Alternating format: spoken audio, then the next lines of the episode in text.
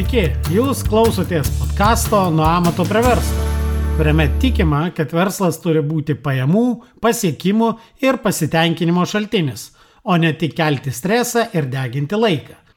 Su jumis aš, šios laidos autorius ir vedėjas, verslo konsultantas, treneris ir efektyvumo fanatas Nerius Jasinavičius. Daugeliui tikriausiai teko girdėti su Amerikos mafijozai siejama frazė nieko asmeniško, tai tiesiog verslas. Bet ankstesniuose podkastų epizoduose jau kalbėjau apie tai, kad smulkaus ir vidutinio verslo turėjimas ir valdymas nėra tik verslas. Daugeliu smulkaus ir vidutinio verslo savininkų verslo turėjimas ir valdymas yra labai asmeniška. Dėl to įmonė ir yra savininko atspindys. Liudvikas XIV yra pasakęs, valstybė taip aš. Tuo tarpu daugeliu smulkaus ir vidutinio verslo savininkų įmonė tai irgi yra jie. Todėl norint, kad pasikeistų įmonė, kad įmonė tobulėtų, pirmiausiai turi pasikeisti pats savininkas. Jisai pats turi tobulėti. Ir esminis pokytis turėtų įvykti verslininkui, verslo savininkui, mažinant laiką ir dėmesį skiriamą atlikti specialisto ar amatininko darbus ir skiriant daugiau dėmesio, tai yra savo labiausiai riboto išteklio, darbui su verslu, su įmonė. Apie tai, kad verslininko dėmesys yra pats svarbiausias resursas ir ribotas resursas, kuris įtakoja verslo sėkmę, aš jau kalbėjau trečiajame podkasto epizode. O šiandien pakalbėsime apie tai, nuo ko pradėti įmonės tobulinimą. Pirmiausiai sutarkime, ką tai reiškia patobulinimas. Tikriausiai niekas nesiginčia su tuo, kad bet kuris patobulinimas yra pokytis. Tačiau ne visuomet pokytis yra tolygų patobulinimui. Taigi, kokios būtinos sąlygos turi būti patenkintos, kad mes galėtumėm sakyti, kad tas pokytis, kuris įvyko, reiškia patobulinimą. Kad tai nebuvo šiaip pokytis ar nebuvo pabloginimas, nes pabloginimas irgi yra pokytis. Tai kada mes galime sakyti, kad pokytis reiškia patobulinimą? Norint, kad pokytis būtų tolygus patobulinimui, mes turime užtikrinti vieną labai reikšmingą būtiną sąlygą. Tai reiškia, kad tas pokytis turi padėti priartėti prie tikslo. Jeigu mes kalbame apie pokytį asmeninėme gyvenime, tai tam, kad galėtumėm teikti, kad tas pokytis buvo geras, kad tas pokytis buvo patobulinimas, tai mes turime užtikrinti, kad tas pokytis padėjo žmogui artėti prie jo asmeninių tikslų. Lygiai tas pats vyksta ir įmonėje. Tik tada pokytis bus patobulinimas, kai jisai padės artėti prie įmonės tikslų. Ir kalbėdami apie įmonės tikslus, galbūt pirmiausiai turėtumėm kalbėti ne apie tikslus, o apie įmonės tikslą. Taigi, koks svarbiausias ir pagrindinis įmonės tikslas? Įvairių seminarų, webinarų metu aš užduodu šitą klausimą auditorijai ir turiu pripažinti, kad daugeliu atveju gaunu teisingą atsakymą. Žinoma, tenka kartais išgirsti tokių pasakymų, kad mūsų įmonės tikslas yra užtikrinti geras sąlygas darbuotojams arba įmonės tikslas yra patenkinti klientų poreikius. Tačiau įmonės tikslas nėra nei užtikrinti geras sąlygas darbuotojams, nei patenkinti klientų poreikius. Įmonės tikslas yra uždirbti pinigų dabar ir ateityje. Tai, kas buvo įvardinta anksčiau, tai yra geros darbo sąlygos darbuotojams, patenkinti klientų poreikiai ir dar kai kurie kiti dalykai, tai nėra įmonės tikslas. Tačiau tai yra būtinos sąlygos tikslai pasiekti. Jeigu mes neužtikrinsime gerų darbo sąlygų darbuotojams, jie išeis. Taigi mes negalėsime uždirbti pinigų ateityje. Jeigu mes nepatenkinsime aplinkos poreikių, ne tik tai klientų, bet aplinkos poreikių, tai reiškia ir klientai, ir tiekėjai, ir visuomenė. Jeigu mes nepatenkinsim šitos aplinkos poreikių, pavyzdžiui, nesumokėsime savo tiekėjam laiku, mes vėlgi pažeisime būtiną sąlygą ir tai reiškia negalės įmonė uždirbti e, e, pinigų ateityje. Jeigu mes nepatenkinsim kliento poreikių, jie neteis, nebepirks pas mus, mes negausim pajamų, vėlgi negalėsim uždirbti ateityje. Jeigu mes apgaudinėsime visuomenę, valstybę, tai tada mus nubaus, uždės baudas, o gal net ir uždarys ir vėlgi negalėsime uždirbti pinigų ateityje. Atkreipkite dėmesį į tai, kad kalbėdami apie verslo tikslą, sakome, kad verslo tikslas uždirbti pinigų, o ne pelną. Kodėl? Todėl, kad pelnas tai yra tiesiog buhalterinės ataskaitos skaičiukas. Įmonė, kuri uždirba pinigus, yra pelninga. Bet tuo pat metu ne visos pelningos įmonės generuoja pinigus. Ir atminkime, kad įmonės bankrutuoja ne tada, kai neturi pelno. Įmonės bankrutuoja tada, kai neturi pinigų. Galima būtų išskirti penkis skirtingus brandos lygius arba tikslo pasiekimo lygius. Pats prašiausias ir blogiausias pirmas e, brandos lygis, tai įmonė nepajėgi vykdyti savo finansinių įsipareigojimų, tai yra tokia įmonė, kuri yra ant bankroto ribos. Antras lygis, kai yra vykdomi finansiniai įsipareigojimai, bet neuždirbami pinigai. Tokia, galima sakyti, talka. Trečias lygis, kai jau įmonė uždirba pinigų, bet pelnas sviruoja vienais metais didesnis, kitais metais mažesnis. Ketvirtas lygis tai yra tuo met, kai pelnas kasmet auga. Taip, uždirbamas pinigų kiekis kasmet auga. Tačiau Pats svarbiausias rodiklis versle yra ne uždirbtas pinigų kiekis, bet investuota kapitalo graža. Tai reiškia ne tik pelnas, bet ir investuota kapitalo graža, ROI kasmet gerėja.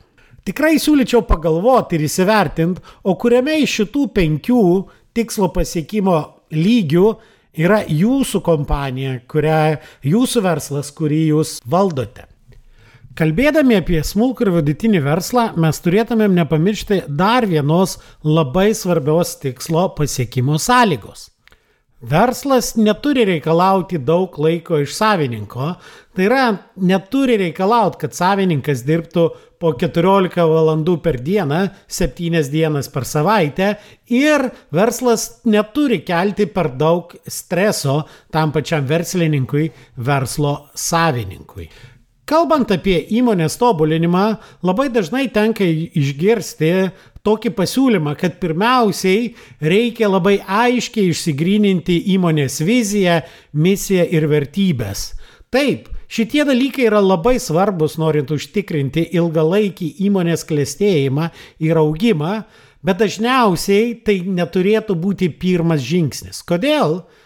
Ar jums yra tekę susidurti su situacija, kai likus vienai dienai iki reikšmingo mokėjimo, pavyzdžiui, pridėtinės vertinės mokesčio valstybei ar darbo užmokesčio darbuotojams, jūsų įmonės banko sąskaitoje nebuvo reikiamų lėšų, o pinigų gavimo, dažniausiai iš klientų perspektyvos buvo labai miglotos. Tai yra tikimybė gauti iš kliento apmokėjimą buvo labai nedidelė.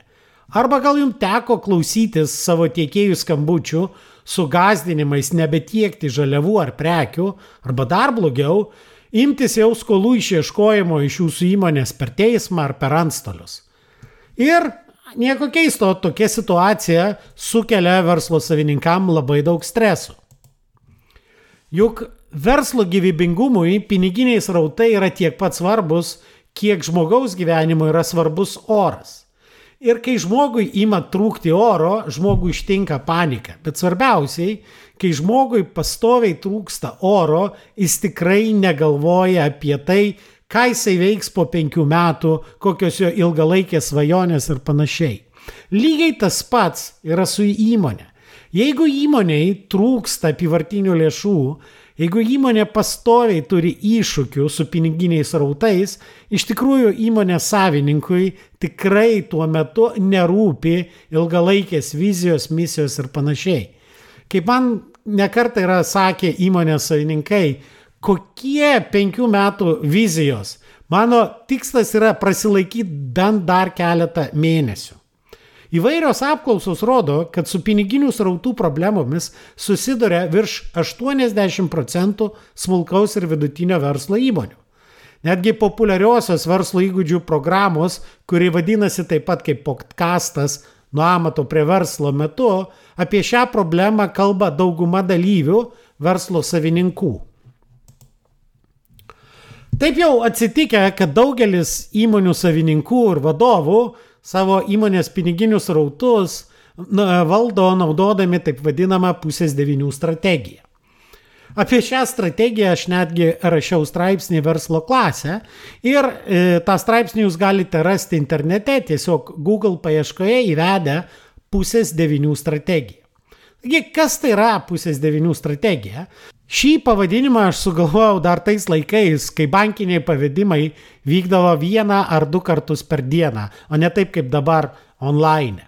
Ir tuo metu susiformavo daugelį įmonių įprasta tradicija, kad ryte apie pusę devynių įmonės savininkas kartu su įmonės finansininku ar finansininkė atsisėsdavo ir spręsdavo tris klausimus. Pirmas klausimas - kiek įmonės sąskaitose ir kasoj yra pinigų. Antras klausimas, kam jau privalome iš tų pinigų sumokėti. Tai yra, kam bendrovė skolinga ir ne šiaip skolinga, o kas jau grasinosi teismais ar antstoliais ir kam žudbūt reikia jau šiandien pamokėti. Na ir trečias klausimas, tai ką iš savo skolininkų jau gazdinsime teismais ir antstoliais. Ir tokia rutina vykdavo kiekvieną dieną. Jeigu jums tokia situacija pažįstama, tai nieko keisto, nes, kaip jau minėjau, virš 80 procentų įmonių susiduria su šitomis problemomis.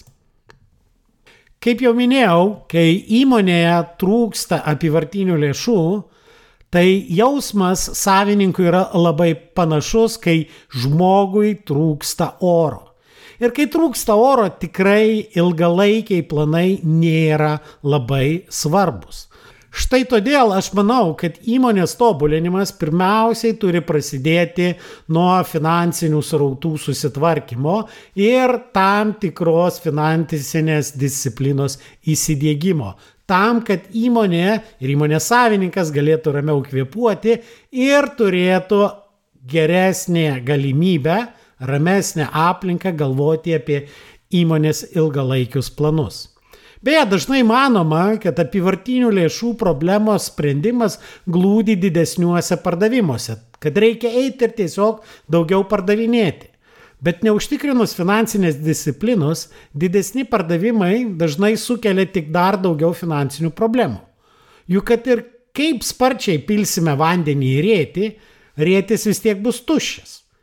Be to, susidūrus su apivartinių lėšų apribojimu, dažnai pardavimų didinimas dar labiau pablogina situaciją. Kaip jau kalbėjome laidos pradžioje, verslas tai pinigų uždirbimo įrankis, verslo tikslas uždirbti pinigus. Todėl kiekvienas verslininkas turi skirti savo dėmesio ir laiko stebėti įmonės piniginę sveikatą. Aišku, daugelis verslininkų šitoje vietoje pagalvos, taigi aš kasdien tikrinu, kiek sąskaitoje yra pinigų. Tačiau pasitikrinti, kiek sąskaitoje yra pinigų, tai yra labai maža dalis įmonės finansinės veikatos stebėjimų.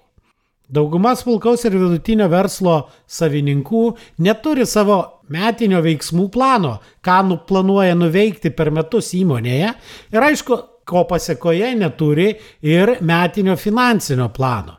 Dėl to daug dalykų vyksta spontaniškai arba reaguojant į iškilusias problemas, gaisrus, kas atveda prie to, kad pastoviai trūksta pinigų ir dauguma verslo sprendimų priimama ne pagal tai, ar jie yra reikalingi dabar ar ne dabar, o pagal tai, kiek yra pinigų sąskaitoje.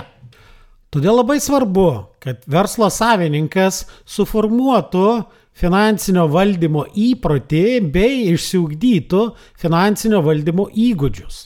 Tai yra nesudėtingi dalykai, bet nesudėtingi dalykai nebūtinai yra lengvi. Juk daugelis žinome, kad numesti svorį nėra labai sudėtinga, bet nėra lengva. Norėdamas gerai valdyti savo įmonės finansus, įmonės savininkas turi įvaldyti arba mokėti naudotis trimis finansinio planavimo ir valdymo įrankiais. Pirmiausiai tai yra įmonės biudžetu, toliau pelno nuostolių ataskaita bei pinigų srautų ataskaita ar pinigų srautų planu. Labai didelės įmonės naudoja daug platesnį finansinio planavimo ir valdymo įrankių spektrą, tačiau smulkiam versle jum tikrai pradžioj užteks šitų trijų įrankių. Nuo ko pradėti finansinį planavimą? Pradėti nuo pabaigos, kaip ir bet kokį kitą planavimą. Pirmiausiai reiktų įsivardinti norimą pelną. Kaip bebūtų keista, dauguma įmonių savininkų net neturi aiškiai savo pasisakę, kiek jie nori per metus uždirbti. Labai dažnai tenka girdėti tokią frazę - noriu uždirbti daugiau negu pernai. Kiek daugiau? Jeigu uždirbsite 50 eurų daugiau, ar tai jau bus tas svajonės išsipildymas? Taigi pirmas svarbus dalykas ir jum namų darbas, ką jūs turėtumėt padaryti, tai savo aiškiai pasakyti, koks jūsų finansinis tikslas yra šiems metams. Kiek jūs norite šiais metais, kad jūsų įmonė uždirbtų pelno. Na, o kitame podkasto epizode aš pakalbėsiu apie investuoto kapitalo gražą, taip vadinamą ROI, Return on Investment, ir tris esminius elementus skaičiuojant įmonės investuoto kapitalo gražą. Tai yra pralaidumą, veiklos išlaidas ir investicijas. Taip pat šitie trys elementai labai svarbus sudarinėjant įmonės finansinius planus - tiek biudžetą, tiek ir piniginių srautų planą. Dėkoju, kad klausėtės. Ir nepamirškite užsiprenumeruoti šį podcastą, kad visuomet gautumėte informaciją apie naujausias laidas. Taip pat būsiu labai dėkingas, jei įvertinsite šį podcastą palikdami atsiliepimą savo įprastoje podcastų platformoje. O jei pažįstate kažką, kam jūsų nuomonė šis podcastas būtų naudingas, būtinai pasidalinkite. Iki!